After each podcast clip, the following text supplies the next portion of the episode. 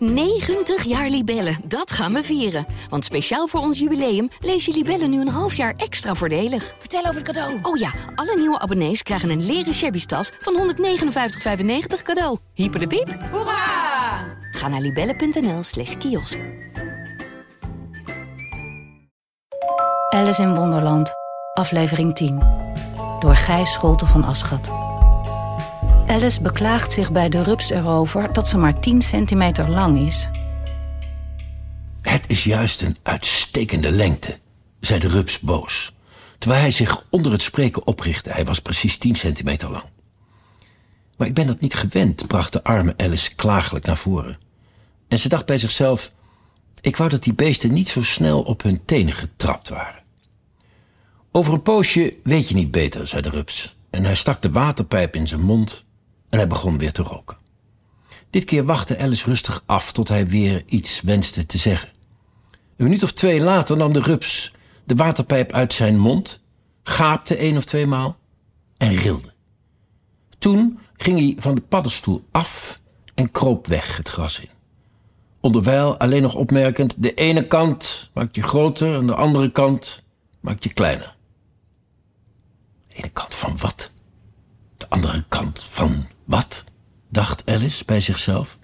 Van de paddenstoel, zei de rups, net alsof ze het hardop had gevraagd. En het volgende ogenblik was hij verdwenen.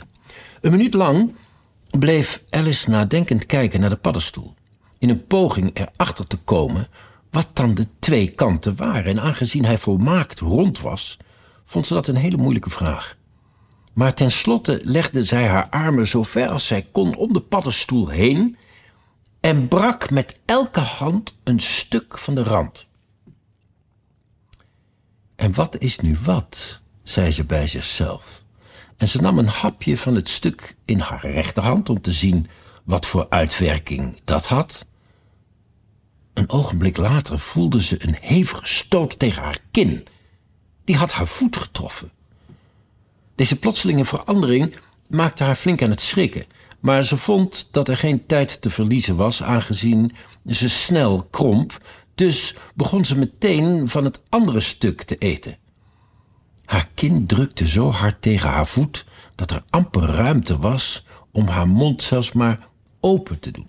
Maar tenslotte had ze het voor elkaar en slaagde erin een kruimel van het stuk in haar linkerhand naar binnen te werken.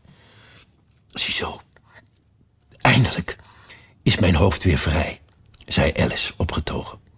Om even later in paniek te raken toen ze merkte dat haar schouders verdwenen waren. Het enige wat ze kon zien als ze omlaag keek was een onmetelijk lange hals die als een steel scheen op te rijzen uit een groene bladerenzee ver onder haar. Wat zou al dat groene spul toch zijn, zei Alice. En waar zijn mijn schouders gebleven? En ach, mijn arme handen, waarom kan ik jullie niet zien? Ze bewoog ermee terwijl ze sprak, maar dat leek geen gevolgen te hebben, behalve enig getril in de verre groene bladeren. Aangezien het uitgesloten leek dat ze haar handen omhoog zou krijgen naar haar hoofd, probeerde ze haar hoofd omlaag te krijgen naar haar handen. En verheugd merkte ze dat ze haar hals met gemak alle kanten op kon draaien, als een slang. Ze was er net in geslaagd hem in een sierlijke zigzag omlaag te buigen en stond op het punt om een duik in de bladeren te nemen, die, naar zij vaststelde, niets anders waren dan de toppen van de bomen waaronder ze rondgelopen had, toen een scherp gesis maakte dat ze zich in de haast terugtrok. Een grote duif was haar in het gezicht gevlogen en sloeg heftig op haar in met zijn vleugels. Slang! schreeuwde de duif. Ik ben geen slang, zei Alice verontwaardigd. Blijf van me af. Slang, zeg ik nog eens, herhaalde de duif, maar nu op een wat gedempter toon. En met een soort snik voegde zij eraan toe: Ik heb van alles geprobeerd, maar er is geen kruid tegen gewassen. Begrijp helemaal niet waar u het over heeft, zei Alice. Ik heb boomwortels geprobeerd. Ik heb oevers geprobeerd. Ik heb herren geprobeerd, ging de duif voort, zonder op haar te letten. Maar die slangen, daar kom je niet van af. Alice vond het steeds geheimzinniger. Maar het leek haar geen zin te hebben nog iets te zeggen voordat de duif uitgesproken was. Het was al zo'n werk om de eieren uit te broeden, zei de duif. En nu moet ik ook nog eens verdacht zijn op slangen. Dag en nacht. Ik heb verdorie al drie weken geen oog dicht gedaan. Oh, het spijt me heel erg dat u het zo moeilijk heeft gehad, zei Alice, die begon te begrijpen wat zij bedoelde. En net heb ik de hoogste boom in het bos uitgezocht, vervolgde de duif met uitschietende stem. En net zit ik te denken dat ik eindelijk van ze af ben, of daar moet er zo nodig weer een uit de lucht komen aankronkelen. Bah, slang! Maar ik, ik ben geen slang. Dat zeg ik u, zei Alice. Ik ben een. Ik ben een. Nou ja, wat ben je dan wel? zei de duif. Ik zie toch dat je maar wat staat te verzinnen. Ik, ben een meisje, zei Alice twijfelachtig terwijl ze bedacht hoeveel veranderingen ze die dag al had meegemaakt. Ja, dat zal wel, zei de duif, op een toon van de diepste verachting. Ik heb in mijn leven heel wat meisjes gezien, maar nog nooit een met zo'n hals als jij. Nee, nee, nee, je bent een slang, ontken het maar niet. Zometeen ga je me nog vertellen dat je nog nooit een ei hebt geproefd. Ja, ik heb natuurlijk wel eens een ei geproefd, zei Alice, die een zeer waarheidslievend kind was. Maar meisjes eten net zo vaak eieren als slangen, hoor. Dat geloof ik niet, zei de duif. Maar als dat zo is, nou, dan zijn meisjes een soort van slangen. En daarmee uit. Dit was zo'n nieuw idee voor Alice dat ze er wel een paar minuten stil van was. Hetgeen de duif gelegenheid gaf eraan toe te voegen: Jij zoekt eieren. Ik heb het heus wel door. En wat maakt het mij uit of jij een meisje bent of een slang? Mij maakt het een hele hoop uit, zei Alice haastig. Maar ik zoek nu eenmaal geen eieren. En als ik dat wel deed, zou ik die van u niet willen, want ik lustte niet gauw. Nou, ga dan weg, zei de duif weer chagrijnig terwijl ze zich in haar nest installeerde.